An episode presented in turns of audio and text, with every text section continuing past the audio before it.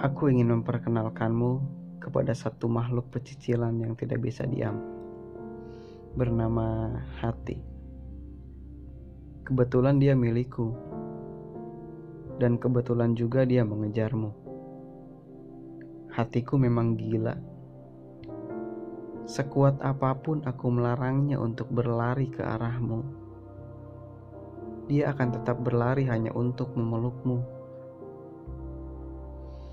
Tunggu dulu, sebelum kau beranjak pergi karena takut dengan kelakuan hatiku, biar ku teruskan ceritaku. Hatiku punya sahabat baik dia adalah makhluk berkacamata tebal yang berdiri di sebelahnya. Namanya pikiran. Kebetulan dia juga milikku. Mereka berdua bersahabat baik dari hari aku lahir ke bumi ini. Beda dengan hatiku yang pecicilan. Pikiranku ini pendiam sekali. Dia jarang rukun dengan hatiku malah sering berkelahi. Alasan perkelahian mereka kali ini tentu saja karena hatiku ingin berlari ke arahmu. Dan pikiranku kurang setuju. Pikiranku percaya bahwa hatiku berlari ke arahmu, dia akan berujung hancur. Pikiranku yang sayang pada hatiku tidak ingin sahabatnya itu hancur. Sebentar, izinkan kami berunding. Jangan dulu pergi, aku mohon. Telah lama aku menanti sosokmu. Kau tangguh, aku suka itu. Kita sama-sama pejuang.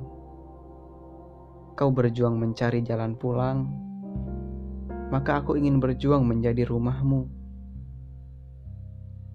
Karena ternyata hatiku betul kaulah orangnya. Ya, pada akhirnya aku akan membiarkan hatiku mengejarmu dan bercengkrama di sampingmu. Memelukmu saat kau dekat, merindukanmu saat kau jauh.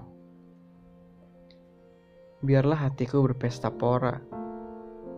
Biarlah aku ikut bersenandung gembira Sementara pikiranku, aku yakin pikiranku baik-baik saja. Duduk manis di kepalaku, berharap tak ada hal buruk yang akan menimpa hatiku.